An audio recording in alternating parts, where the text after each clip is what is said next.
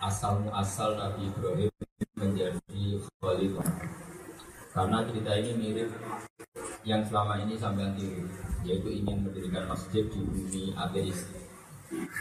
Jadi ini keren sekali. Jadi di antara kelaziman beragama itu ada yang bernama at-tahaddi wal Sesuatu kebenaran itu harus dimaklumatkan kemudian diakui. Seorang lagi ya satu kebenaran itu harus dimaklumatkan kemudian diakui. Sehingga di Quran sering ada ayat ilamu ketahuilah tentang tauhid juga dikatakan fa'lam annahu la ilaha illallah ketahui. Uh, tentu yang paling harus diketahui pertama adalah eksistensi Allah Subhanahu. Pertama kali Nabi Ibrahim diangkat jadi Khalil Rahman Itu dia marah besar dalam munajat Saya punya sanatnya tentang kemarahan Nabi Ibrahim Beliau ketika munajat marah besar, risau besar Dan beliau berdoa mengucapkan gini Ya Allah Innahu layak sununi Allah arro dan fil ardi ya'budu Ya Allah, saya ini susah sekali Kenapa zat sepenting engkau kemudian menyembah hanya saya? Ini tidak fair, ini tidak benar. Engkau zat yang begitu penting kemudian orang melupakan engkau. Yang tahu kalau kau penting saya tahu ini tidak fair. Jadi ibarat ibarat misalnya negara itu ada presidennya, rakyatnya nggak ngerti apa itu presiden. Kamu punya anak, anak kamu tidak tahu kalau kamu bapaknya kamu punya istri, istri kamu nggak tahu fungsinya kamu, itu kan pantauan. Artinya sesuatu yang harusnya diakui kemudian tidak. Nah ini ngasih tauhid yang ringan tapi cukup untuk menjadikan kamu wali. Jadi kita ajari yang ringan-ringan tapi cukup untuk jadi daftar apa? Jadi wali. Saya ulang lagi ya, agama itu di antara khasnya itu apa? At-tahaddi wal mengakui satu kebenaran, ketutupan atau memaklumatkan dulu kebenaran, kemudian harus diakui, diakui. Maka yang dikatakan tauhid itu apa? Al-ikrar. Ikrar ngakui, ngakui sengaku-ngakunya, seikrar-ikrarnya bahwa annahu la ilaha illallah Muhammadur Rasulullah. Nah, kemudian Ibrahim itu marah besar. Masa zat yang sepenting engkau ya Allah, kemudian yang tahu bahwa Tuhan itu hanya saya. Ini apa-apa, ini tidak fair. Gak terima Nabi Ibrahim. Resah. Seperti resah Anda. Orang nempat di buminya Allah. Orang Korea nempat di buminya Allah. Minum air ciptaan Allah. Ya, menghirup oksigen juga ciptaan. Kemudian tidak ngaku yang ciptakan siapa. Tahu-tahu kerja uang, kerja uang. Kalau gak kerja mati katanya ya kalau orang Korea. Kalau gak punya uang itu tidak fair. Hanya kalau anda lupa Tuhan itu menjadi orang yang tidak seperti tadi. Istri kamu gak ngakui fungsi kamu itu kan gak fair.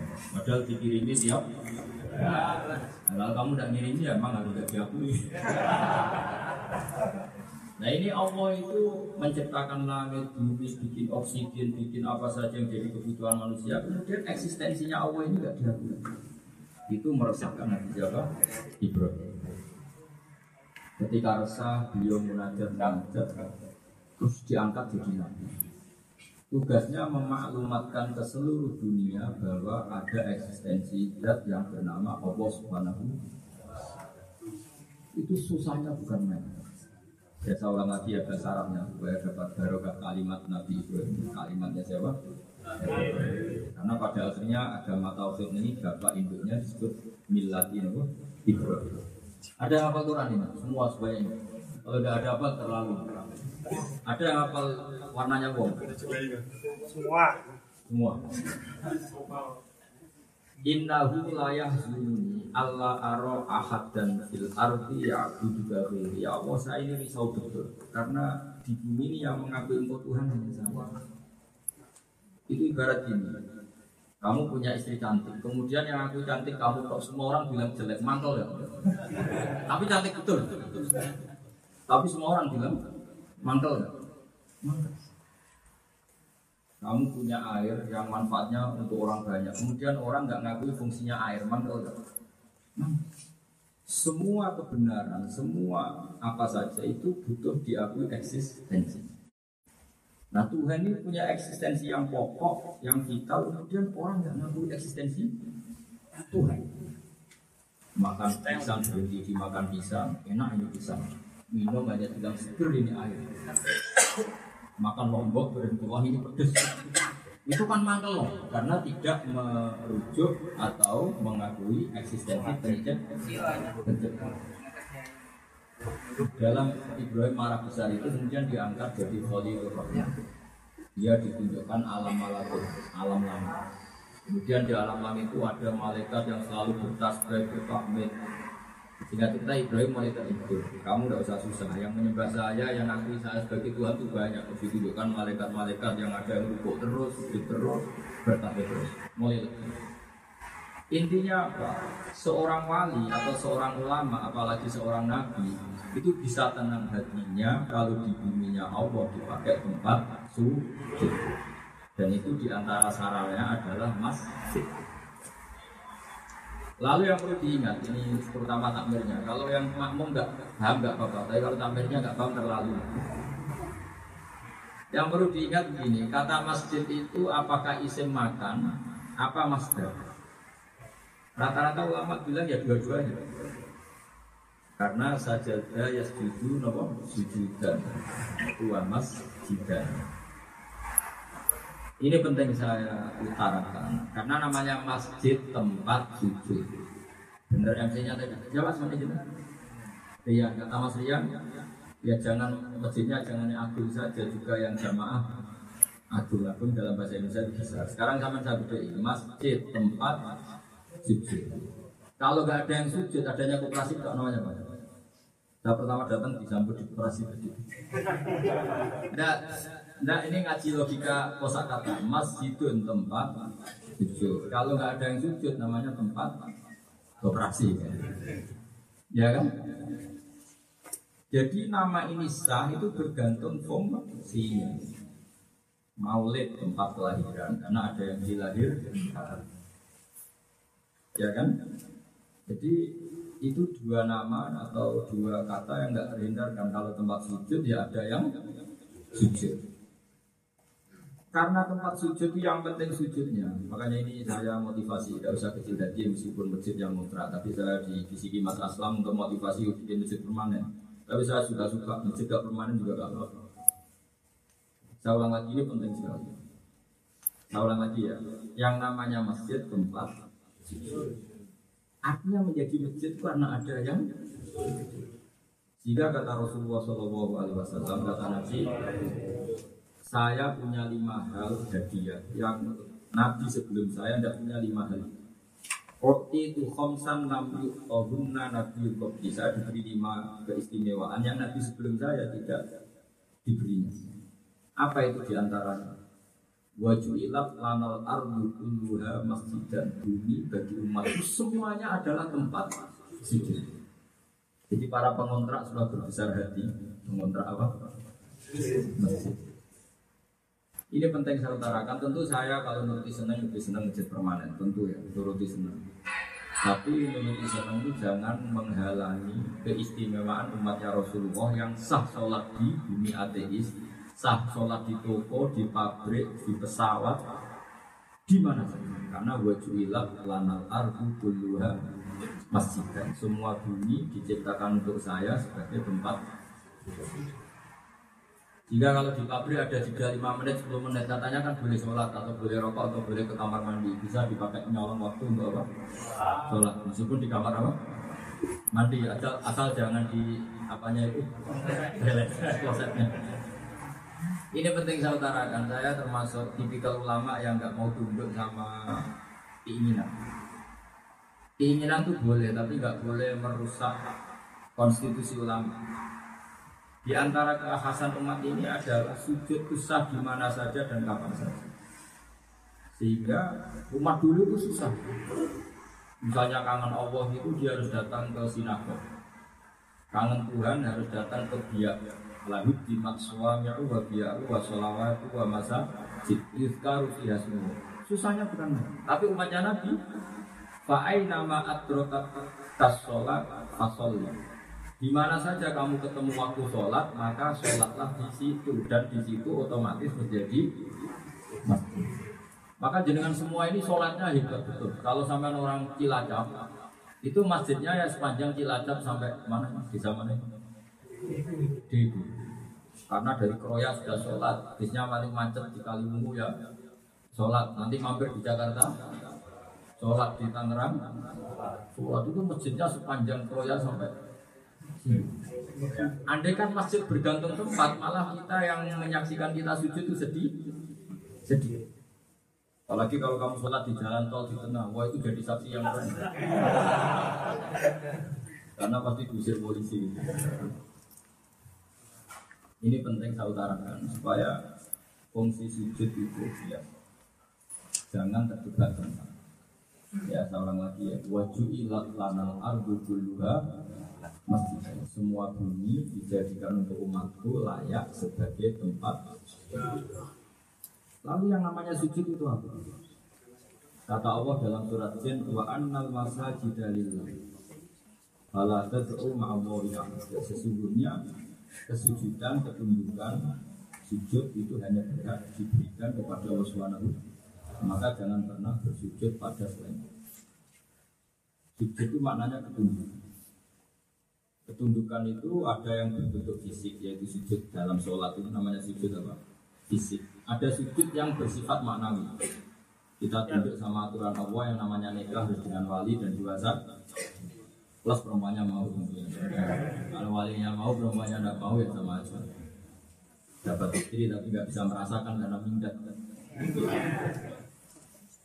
ini penting saya utarakan jarang orang yang mengutarakan ini. Jadi yang namanya sujud itu sebetulnya malah sujudnya itu bukan tempatnya hingga zaman Nabi, zaman perang, juga zaman perang di Jerman itu sujud di mana-mana karena dia beliau perang brilliant di mana-mana menjadi tempat sujudnya beliau. Bahkan kalau dalam hadis-hadis sholat sunat itu kesunatannya nggak boleh istiqomah. Kalau fardu istiqomah nggak apa-apa. Kalau sunat kesunatannya apa? Pindah-pindah tempat supaya saksinya. Bahkan Abi ini marah besar ketika seseorang itu kebaikan sholatnya dia bisa di masjid.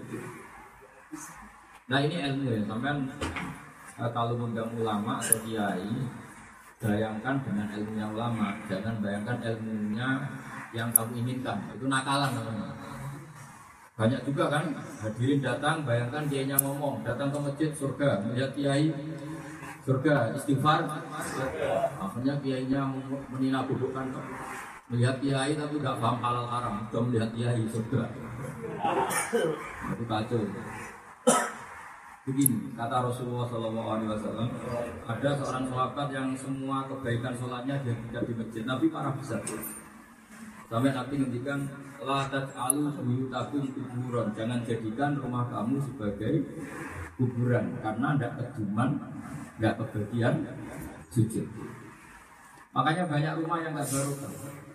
Banyak orang sholat tapi tidak barokah karena benar-benar nggak di ilmu di masjid sholat sampai kopiah itu empat rokaat, badia empat rokaat. Pulang ke istrinya, mana mama makan saya? Sampai istrinya tahu betul kalau habis dari masjid pasti nyari makan. Kan jadi aneh. Lagi nangis nangis istighfar, pulang-pulang nanya kopinya nggak ada, marah nggak ada gedang goreng. Sehingga sholatnya tidak mendidik. Apa sholat itu tidak. Bandingkan kalau dia di masjid sholat, habis fardu sholat dua rakaat sunat pulang juga sholat. Sehingga rumah ini kelihatan tenang karena anak kamu melihat bapak itu orientasinya sholat. Ke masjid ya sholat pulang pertama sholat. Mau pergi juga sholat. Kalau punya hajat juga sholat. Sehingga sholat ini jadi identitas keluarga jadi bapak ini marah kalau tidak saya sediakan saja bapak marah kalau keran itu gak ada air ini enggak sholatnya disergemnya di masjid masya Allah kali pulang marah ini kalau nggak makan kalau nggak ada persediaan tambahan, anduk juga marah. Apalagi kalau di masjid sholatnya lama, istighosahnya lama, ini satu waktu entek. ini tidak mendidik. Akhirnya apa? Rumah ini kata Nabi, kata Nabi saya, rumah yang tidak kerja tahan sholat disebut apa? Kubur. Nah itu nanti kalau kamu perilakunya seperti itu, coba-coba kelakuan menurut terus, itu nanti malaikat gak tahu alamat kamu. Malaikat rezeki maksudnya. Malaikat rahmat. Malaikat rahmat itu hanya tahu rumah yang dipakai baca Quran dan dipakai sholat. Karena rumah yang dipakai Quran itu ada cahaya ibarat bintang. Makanya malaikat rahmat mengenali rumah itu sebagaimana ahli bumi mengenali langit lewat bintang. Kalau rumah ini hanya dipakai bakat cara sejahtera, mengumpulkan bon, mengumpulkan harta, diskusinya sama istri juga cara beli tanah, macam-macam semuanya tentang uang. Rumah itu gak ada nurnya sama sekali. Sehingga malaikat rahmat gak tahu alamatnya. Dan tidak perlu tahu memang saya juga kecewa kalau sampai tahu. Itu kalau sampai tahu tak protes, gak perlu tahu lah rumah-rumah kayak gitu itu tak perlu tahu alamatnya. Ilegal juga betul ya. Karena adanya jin setan berdua. Jika Nabi istilahnya ekstrim, ladat alu buyutakum kuburon. Jangan jadikan rumah kamu sebagai sehingga apa yang terjadi? Kita di masjid ya simbol ketundukan sama Allah. Setelah pulang juga simbol ketundukan sama anak kita, istri kita. Coba betapa bahagianya kita, istri kita itu kalau kita mau pulang dari masjid, bos ribet menyiapkan tasbih saja, menyiapkan tempat wudhu. Itu kan bagus. Setelah sholat sunat, mungkin baru kepikiran makan. Kalau makan tidak siap tidak marah, tapi kalau sajadah nggak ada atau tempat duduk nggak ada marah. Sehingga orientasinya semuanya lillahi Nah, itu yang calon wali itu. Mangkana himmatuhulillah. Orang yang orientasinya hanya Allah Subhanahu. Ini enggak. Istighosah ulama di masjid, maulid lama istighosah lama, tapi pulang sudah ngancam. Awas kalau nggak disediain makanan. Berarti ini ibadah gak membentuk dia sebagai orang yang famangkanat hijrah dulu ila Allah wa rasulih hijrah dulu ilallah rasulullah. Orang mukmin adalah orang yang orientasi kepergiannya atau orientasi tujuannya apa? Menuju Allah dan termasuk kita baik sama istri biar kita sujud, baik sama anak-anak kita supaya nanti jadi generasi sujud. Jangan bina anak biar nanti kalau saya tua dan rumah. Itu udah harus sampai yang orang PKI ya sama, orang komunis ya. Coba orang yang nggak sholat itu bina anak supaya apa? Kalau tua ada yang rumah, orang yang fasik bina anak supaya kalau tua ada yang yang membedakan kita dengan mereka Kenapa sama anak baik dia jadi generasi sujud. Makanya Robi Jalni Muqimah Sholati wa min Jadi orientasinya supaya anak cucu kita ini saya termasuk dia yang berhormat sekali sama anak. Dulu sering ditegur sama tetangga-tetangga yang pernah sepuh sama saya. Keluarga yang pada saya. Karena saya pasti mati dan setelah mati saya tidak bisa amal. Yang bisa amal apa? Yang bisa meneruskan ngapalin Quran saya anak saya. Yang bisa nerusin sujud saya anak saya. Yang bisa nerusin pondok saya. Karena saya tidak punya harapan sama sampean. Tadi diajari dari apa? Waduh. Nah, ya, dilatih bahasa Korea supaya nanti bisa dapat kerja. Kalau kerja dapat uang, nanti gak ngaji takrib dan gak ada.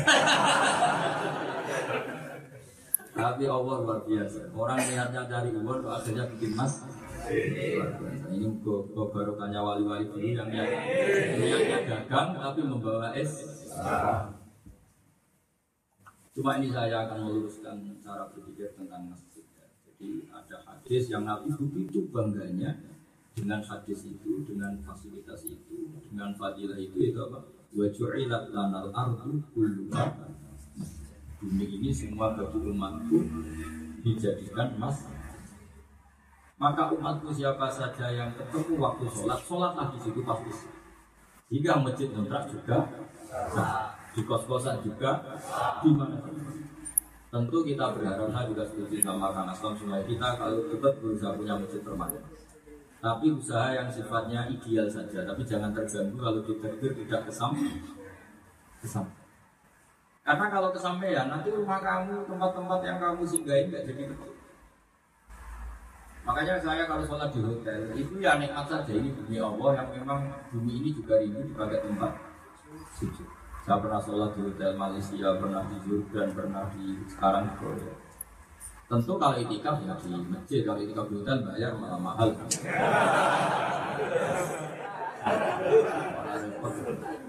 Tidak jadi itikaf sama lihat resepsionis malah bayar. Tapi ini cuma saya cerita bahwa ini penting, makalah ini penting sekali. Statement ini, makalah ini penting sekali.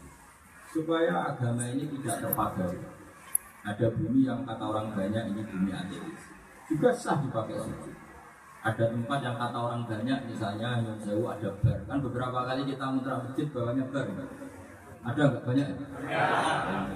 Tak apa Yang malaikat nangani bar tukang adab ya si belakang. Yang susah malaikat rahmat harus lewati. Padahal mau menuju mas. Tapi tak jamin pasti tahu jalannya. Yang dari apa dia harus dari atas dulu apa?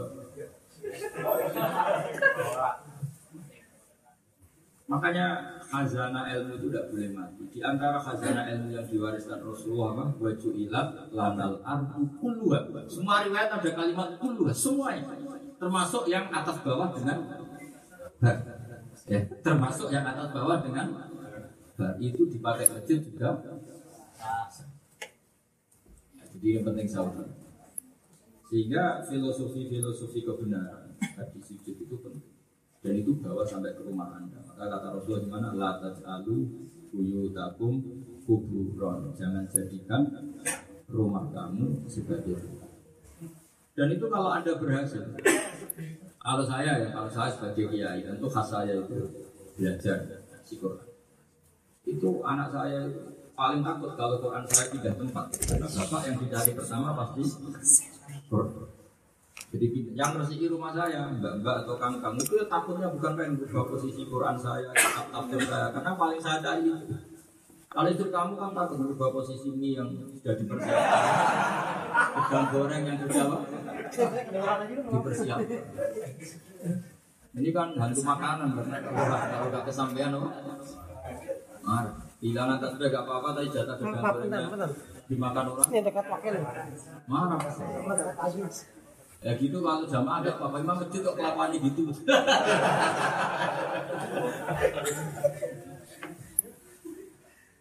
Ini penting saya utarakan supaya sujud kita itu sepanjang perjalanan kita dari Indonesia sampai Korea. Kamu sholat di terminal bandara Suta itu kan keren. Pernah sholat? Pernah Gusti. Saksinya apa? Bandara Suta sebesar itu. Jadi saksi kamu. Kayak apa kerennya? Apalagi yang orang Jawa Barat, sholatnya di mana di Gunung Selamat dekat jin-jin itu, wah hebat. Sholat di Himalaya, misalnya kita punya pendaki gunung, sholatnya di Himalaya. Saksinya nggak tanggung-tanggung gunung Termai, gunung Himalaya. Keren lagi di tengah magma Galunggung, wah tambah keren. Tapi tidak dihitung sholatnya dihitung bunuh diri.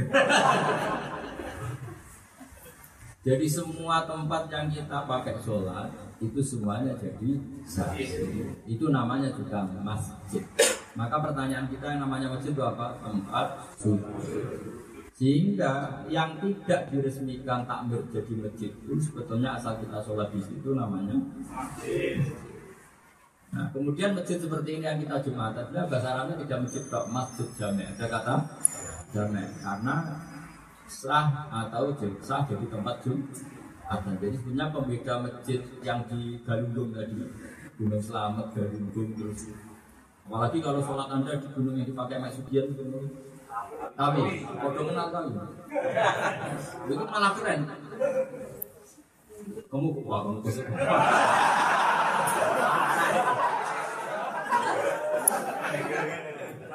semoga semoga ada pemakai Oh, itu malah keren lagi ya. Kerennya tadi. Jadi malaikat pernah sholat pernah. Saksinya apa? Gunung apa? pernah sholat sholat. Saksinya gunung apa? Kayu. Oh, itu keren Ini penting supaya kita tidak salah paham ya, supaya kita menghormati hadisnya Rasulullah Shallallahu Alaihi Wasallam yang beliau begitu bangganya, begitu senangnya karena apa? Wajulat lanal ardu kulluha. Semua bumi Allah semuanya kata Nabi kulluha semuanya berstatus. Nah, lalu masjid yang dipakai Jumatan ini pokoknya masjidul jame masjid yang pengumpul jame itu pengumpul umural muslimin jami'un umural muslimin atau jami'un di umur muslimin. Karena zaman Nabi Jumatan ya di masjid rapat ekonomi ya di masjid mikir strategi perang ya di masjid disebut masjidul jame Makanya ada ayat istilahnya orang mukmin itu siapa? Innamal mu'minuna alladzina satrusih wa idza kanu ma'ahu ala amrin jami'il lam yadhu hatta yasta. Dino ciri utama orang mukmin adalah bersepakat dengan sesuatu yang menyatukan ala amrin jamin. Kayak kita saya sama jenengan itu bersatu sama-sama ingin memakmurkan mas. Lalu yang punya uang yang nyumbang uang, yang nggak punya apa-apa yang nyumbang jadi makmum. Terus yang nggak punya apa-apa nggak bisa apa-apa, punya komitmen minimal nggak bagus. paling terakhir itu enggak makom paling apa kalau nggak jadi apa nggak jadi distributor atau pembantu atau kontributor ya apa tidak nah sujud ini penting terus kedua kata Imam Haromen sujud ini harus dimaklumatkan makanya saya tadi bilang agama ini dimulai dari pemakluman pengiklaman Nabi ketika jadi nabi pertama yang dilakukan apa? Naik ke sofa, sofa itu ya gunung kecil di dekat Kures, buku Kures. Kemudian memaklumatkan diri. Ya ma'asyiral Arab, beliau memanggil ya Bani Abdi Manaf, ya Bani Abdul Muthalib. Saya maklumatkan bahwa saya mengajak Anda menyembah Allah Subhanahu Jadi pertama dua itu apa? Memaklumat jika kata Imam Haromen, andekan orang sudah sholat jamaah tapi di tempat-tempat sembunyi dan tidak diketahui publik masih belum menggugurkan fardu kifayah. Kifayah pernah dengar? Maka jamaah harus di tempat yang mudah diakses publik. Seperti ini sudah benar. Sudah, ini penting. Karena kalau tidak biasa diakses publik, orang kebar ada papan, papannya kebar. Ke diskotik ada papannya. Mau ke masjid orang nggak tahu karena ada ada papan. Makanya guru saya Kiai Jimbewun juga itu kalau ada masjid gak ada menaranya itu marah. Maksudnya marah itu nyuruh betul harus bikin apa? Karena kalau ada menara kan orang yang pergi pakai mobil misalnya belum sholat oh itu ada masjid. Jangan bar ada menara oh itu mau itu bisa ya. Mau ke masjid gak? Gak bisa karena masjidnya sembunyi di bawah tanah. Jadi agama ini dimulai dari pemakluman, memaklumatkan Ini penting saya utarakan juga. Indonesia ketika merdeka itu hakikatnya merdeka apa enggak? Zaman itu belum. Sementing sudah dimaklumatkan, diproklamasi. Gak penting setelah itu benar makan hal-hal yang terkait dengan kemerdekaan akan ditata secepat mungkin. Sementing maklumatkan diri kalau merdeka. Makanya kalau masjid mau dibangun ini dimaklumatkan. Kalau masjid ini mau dibangun. Oh kita mau jadi orang soleh, maklumat kan aja. Kamu bilang kita di Korea bikin masjid bukan bikin masalah. Kenapa tidak bikin masalah? Sudah punya masalah. Ya? Karena sudah bisa dibikin sudah sudah terlalu. Makanya betul gak bikin masalah karena ya sudah banyak. Dibikin gak dibikin ya sudah sudah otomatis masalah. Ini penting saya utarakan. Kenapa kiai-kiai itu baru? Karena memaklumatkan diri bahwa kiai itu orang yang bisa diambil ilmu. Makanya kalau dalam agama itu bahwa sifatnya Nabi masih ingat sidik, amanah, tabligh, faton. Tabligh itu artinya menyampaikan risalah. Di antara yang paling diharamkan dalam tradisi kiai apa? Kitman, apa menyembunyikan el, apalagi menyembunyikan kebenaran. Orang Yahudi dikritik sama Allah karena menyembunyikan. Kalau sama dikritik sama istri karena menyembunyikan apa ya tahu dari. Jadi bangsa menyembunyikan itu memang masalah. Apalagi bab satu itu menyembunyikan yang masalah, memperlihatkan ya masalah. Kalau itu sama-sama masalah ya. Disembunyikan maupun di berat berat berat. berat. Apa? Oh, kayak pernah ngalamin. Jadi seorang lagi ya, jadi ciri khas kenabian itu apa? Memaklumatkan. Sehingga masjid harus kelihatan. Misalnya di sini bikin menara mahal ya ada pelangnya. Supaya orang kalau mau sholat tahu. Terus jamaah tahu. Orang-orang sholat yang lewat meskipun nggak sholat itu senang. Alhamdulillah ternyata di Korea ada Wah itu kak wali-wali yang lewat Korea itu mesti senang. Alhamdulillah ada masjid. Malaikat yang lewat-lewat juga senang. Alhamdulillah ada masjid. Jadi tahu alamatnya di sini. Tapi kalau sudah gak ada sujud, maka bumi ini sudah tidak penting untuk Allah Subhanahu Kata Allah dalam sebagian hadis kursi, seorang lagi kata Allah dalam sebagian hadis apa? Ahli bumi ini adalah orang yang layaknya hanya satu diadab. Karena mereka itu hanya bikin gaduh saja, bikin masalah saja. Kodak gimana? Makan dari Allah, semua nikmat dari Allah, rezeki dari Allah. Kemudian mereka kadang dugem, kadang riset, kadang apa saja yang mengganggu ketenangan hidup. Ada yang jadi koruptor, ada yang jadi macam-macam. Kata Allah, laula rijalun rukkaun, wasidyanun rukkaun, wabahaim rukkaun, lasubabna alihimul adab busubba, lasubabna alihimul adab Kalau saja saya tidak mempertimbangkan orang-orang yang mau bersujud, dan saya tidak mempertimbangkan anak-anak kecil yang masih menetek ibunya, menyusui ibunya, menyusui ibunya, dan melihat hewan-hewan yang nggak punya dosa, maka ahli bumi mau saya siksa semua. Jadi Allah itu melihat bumi itu hanya melihat tempat sujud. Maka kata ulama-ulama tasawuf masjid atau tempat sujud mahal lunazurillah tempat Allah melihat. Ini Allah itu sudah murka sama penduduk bumi. Jadi kalau mau mengadal pakai Mars atau pakai planet apa itu masih mempertimbangkan yang sujud. Jadi mereka agak disiksa itu baru hanya karena masih ada yang Makanya ada ayat wa maka nawahu yu'adzibahum wa anta Fihim Allah tidak akan menyiksa mereka sementara kamu Muhammad ada di situ.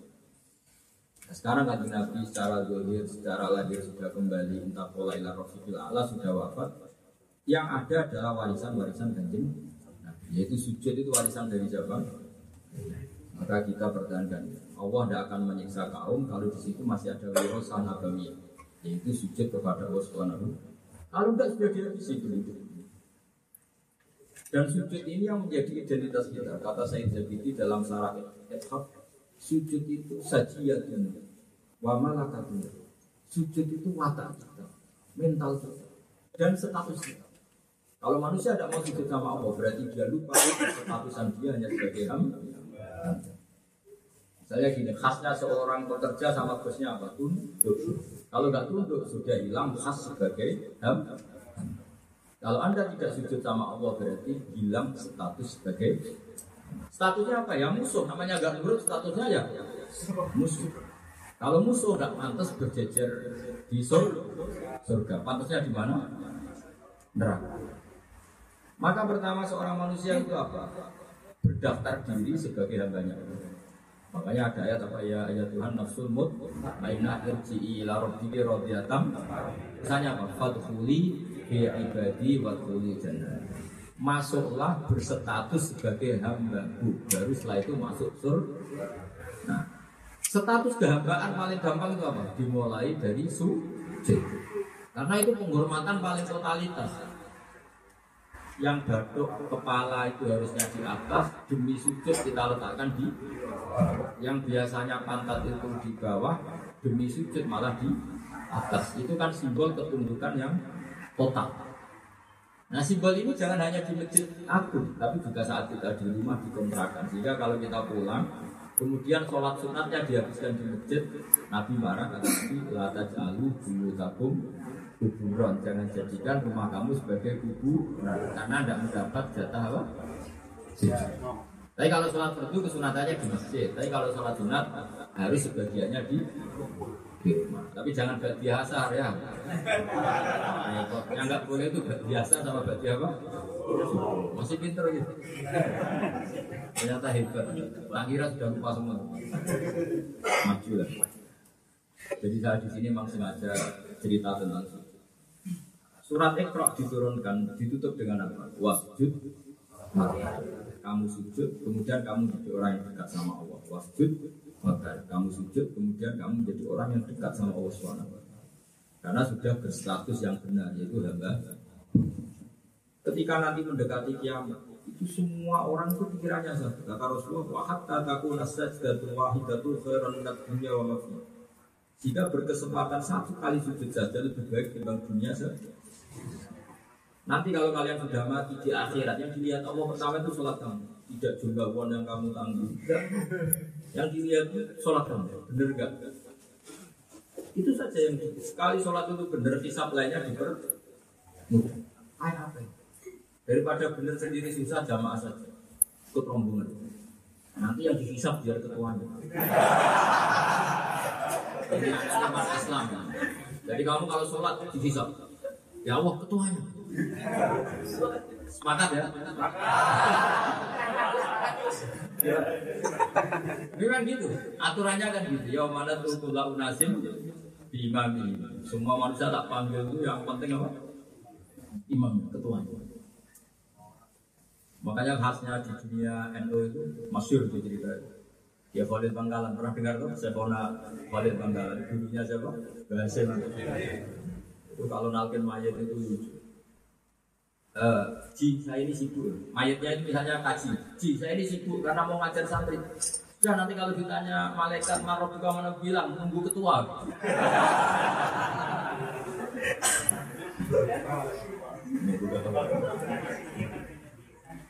Nunggu apa? Ketua. Ketuanya belum Nah itu nanti kalau Syekhona Khalil ditanya sama malaikat, siapa ini? Nunggu ketua. Tentu pemimpin terakhir adalah Rasulullah Shallallahu Alaihi Nah itu malaikatnya pasti tidak berani, tak jamin. Maka aman, apa? Makanya ini pentingnya sanat. Jangan nunggu bangun, bangun nunggu gurunya, gurunya sampai Rasulullah Shallallahu Alaihi Wasallam. Apa itu malaikat tidak berani, tak jamin. Monggo, monggo. Makanya ini pentingnya guru, pentingnya sanat karena kita tidak cukup. Amal kami cukup gak untuk masuk surga. Mbak sudah tahu.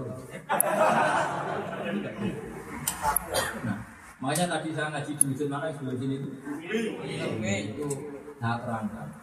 Kesalahan kita ini tidak cukup untuk menjadikan kita masuk. Yang menjadi cukup ada unsur kebersamaan sama orang-orang baik. Makanya istilahnya Allah itu ya ayyuhalladzina amanu taqullaha wa kunu. Itu dalam bahasa Arab Allah itu memberikan maaf.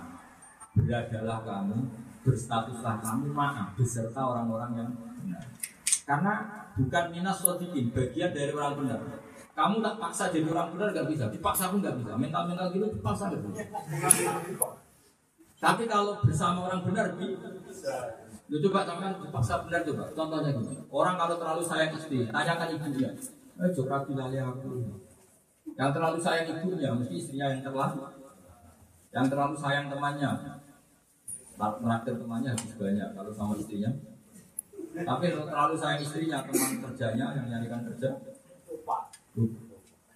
Makanya kalau kata kitab-kitab tasawuf itu kalau mengkritik manusia itu manusia itu siapa? Kata kitab-kitab tasawuf manusia itu mangka mat mahasinuhu masawiyah pas apik wae kemudian pas Nah itu Pak, carikan suami yang baik. Ukurannya apa? Sayang istri. Kalau terlalu sayang istri, korbannya siapa? Ibu kamu, saudara kamu, keluarga kamu. Kalau terlalu sayang keluarga, korbannya sayang teman, korbannya istri. Tapi kalau terlalu sayang istri, korbannya orang itu siapa? Orang yang pas baik saja jelek. Maksudnya pas baik saja ada jeleknya, apalagi pas, pas.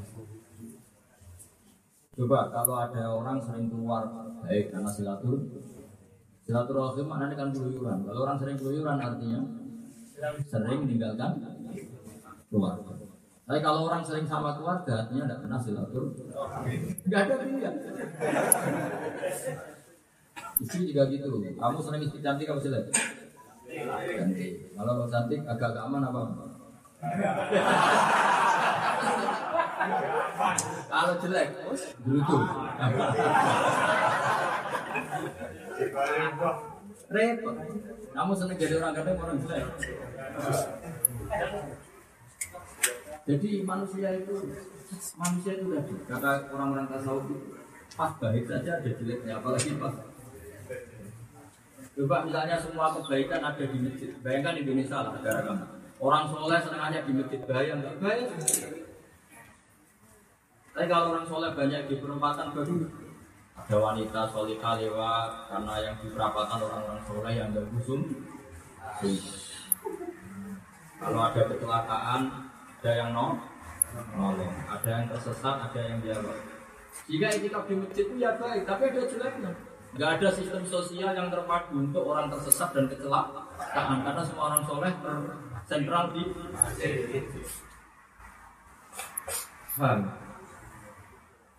Makanya di antara kesalahan yang diajarkan Nabi apa? Enggak apa-apa kamu duduk di jalan-jalan, niati bantu orang is. Tapi kalau semuanya di jalan-jalan, ini bedanya orang soleh sama preman. semuanya kok ngegas di perapatan. Jadi itu bagus filosofi tadi. Manusia itu siapa? Mangkarat mahasinu masawiya. Bagi falataku masawi masawiya. Manusia itu orang yang saat baik saja ada jeleknya. Apalagi pas coba kamu manjakan istri itu baik gak baik. Tapi nanti ngelama. Tapi ya dimanjain minta milih mana?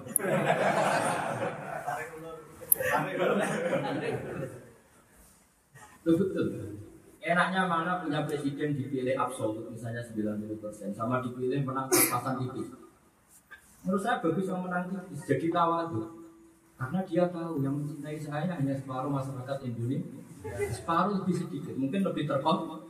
Tapi kalau yang milih absolut mungkin powernya kuat dan itu menurut saya bisa iya bisa menang potensi dari mesti terjadi itu potensi. Tapi bisa saja buku yang milih hanya separuh lebih sedikit seenaknya mungkin dilakukan separuh. Semuanya mungkin. Nah ini manusia, apa?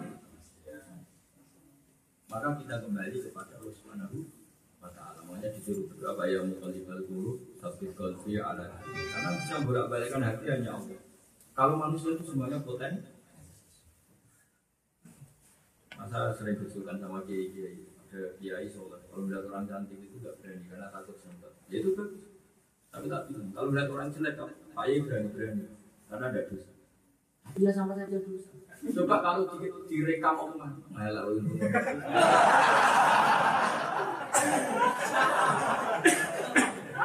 Ngukumi seperti itu dosa apa enggak? Ya sama-sama coba melihat orang yang coba apa. Lihat orang jelek coba kan. Susah. Kamu berteman orang kaya, akhirnya penyakitnya berteman orang kaya itu koma menji. Kalau berteman orang bawaan biasanya menginjak.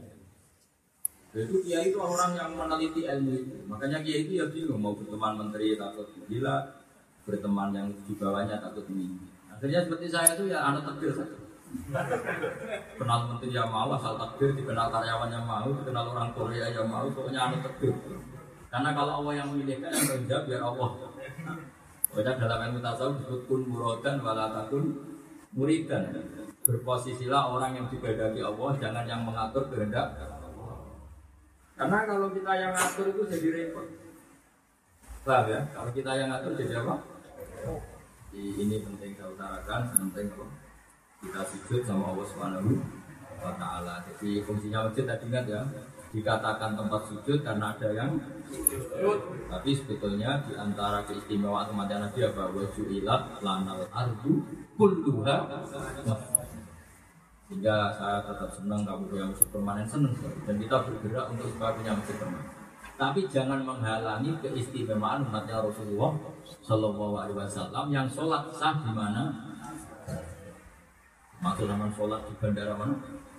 Soekarno Hatta atau di itu kan keren saksinya kalau pernah sholat di mana bandara Soekarno sudah tangga semuanya agak menyaksikan kecuali di pinggir Thailand itu wah ini pernah di sini di Dewa juga gitu di Seoul juga gitu. Pernah sholat dulu itu pabrik itu di Seoul. Besar di pabrik besar. Ternyata saksinya yang pas pinggir.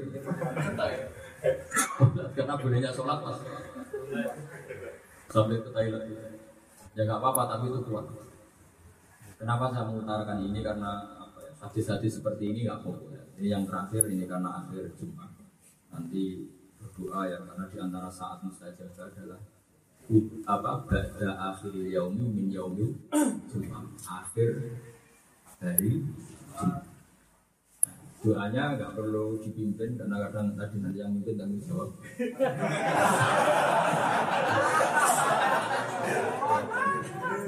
Nah, kata Nabi di antara hadiahnya itu apa? wa itu khawatimah suratil baqarah dan saya diberi hadiah akhir dari surat. Surat baqarah itu akhirnya itu luar biasa. Kita kayak bikin emosi sama Allah. Kamu itu potensi salah apa pasti salah? Pasti salah. Yang masa lalu ya sudah salah masa depan juga akan salah. Rai-rai juli potensinya pasti salah. Maka kita bikin perjanjian sama kata Nabi kita dihadiahi satu akhir surat yang luar biasa. Yaitu sebelum salah kita sudah perjanjian sama Allah. Karena lalu akhirnya Ya Allah begini loh ya, kalau suatu saat kapan-kapan saya lupa atau salah, jangan disiksa. Laku akid kalau dia dia mana di laku akid ampun ngalap panjenengan, jangan disiksa nah ini. Inna sinan suatu saat kalau kalau ya Allah janjian realistis saja, suatu saat kalau salah maafkan. Itu Allah bilang nak ambil. Pemikirin. Belum. Seperti namanya. Kapan di Korea itu bawa segudang di Indonesia meninggalkan. Dan di sini juga bawa masak. Teman pertama yang nampung kamu itu Pak. datang lagi. Banyak masalah mulai mau lahir orang tua kamu susah. Karena bawaannya sudah ada oh, punya istri ya istri kamu. Semuanya masalah. Tapi barokahnya umatnya Rasulullah Shallallahu Alaihi Wasallam tetap berkah saja. Orang banyak masalah ini ternyata ke mana-mana bawa berkah. Karena setiap kesalahan Nabi itu Robbana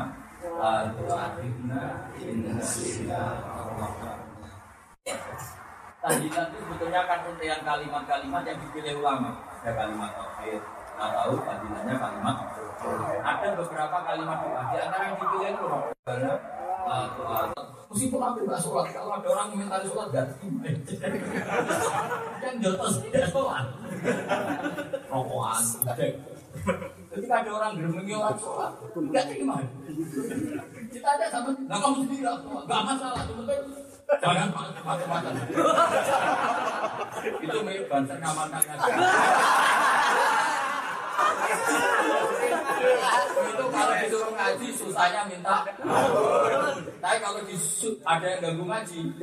Wah bisa ini bukan nyindir ini fakta ya.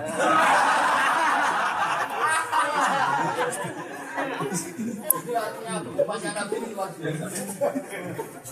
Coba tanya teman-teman mau terima terima tetap ada dorokan ya bawa apa? Banyak masjid-masjid di orang nggak sholat imam tidak sholat imam sing sholat kamu itu sih kapan-kapan pesannya uang saya bilang kami ke jangan yang lain. Biar yang sholat keramiknya dulu sana. Ayo coba yang di Korea nyari sumbangan untuk masjid sama nyuruh dia sholat gampang jadi umat ini sudah unik dari amal.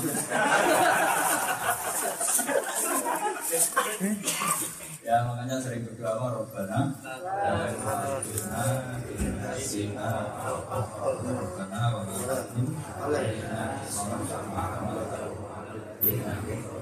Ya Allah jangan jadikan kami punya beban Bagaimana beban yang kau berikan pada umat-umat sebelum kami Dulu umatnya Nabi Musa ketika salah menyembah anak sapi itu tobatnya harus dibunuh berat kan? Kalau sekarang kamu salah dibunuh tuntas. Tuntas apa menyisakan orang? Tuntasnya coba saya berikan satu ayat. Zaman umatnya Nabi Musa salah tobatnya apa? Fatubu ila barikum Faktulu anfusakum Kamu harus tobat yang pernah menyembah berat Caranya apa? Faktulu sekarang nggak tobatnya cuma istighfar. Itu aja sambil nangkut. Iya semangat karena disorot kamera. Bisa sambil nangis kalau dia nya karena ada captionnya. Tapi kalau yang ya tahu nangis betul apa. Makanya saya itu jarang kalau ngaji nangis karena baru saya mak pidato sana. Ya nak wali tenang nangis tenang nak orang ya.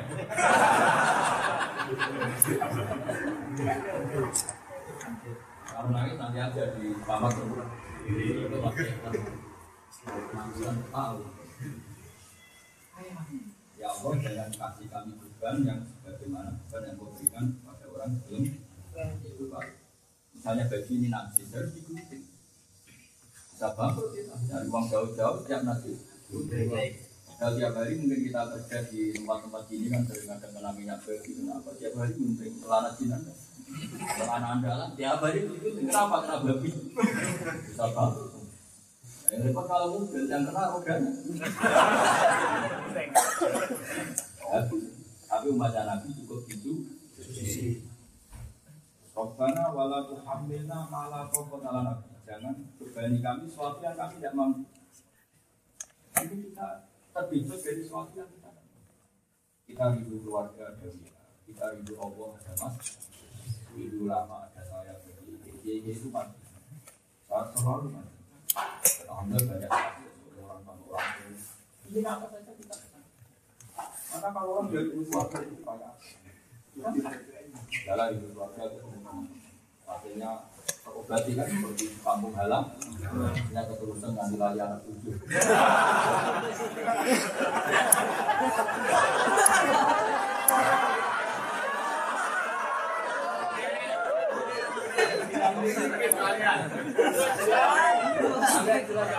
Robbana wala tuhammilna Jangan beban ke kami sesuatu yang kami tidak. Waktu kami waktu maafkan kami wa kami kami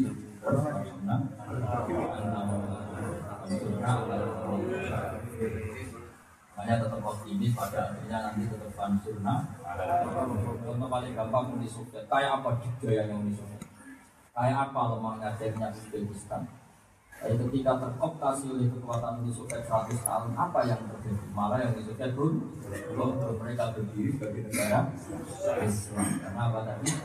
Anta maulana Surna Al-Qawmi Assalamualaikum warahmatullahi wabarakatuh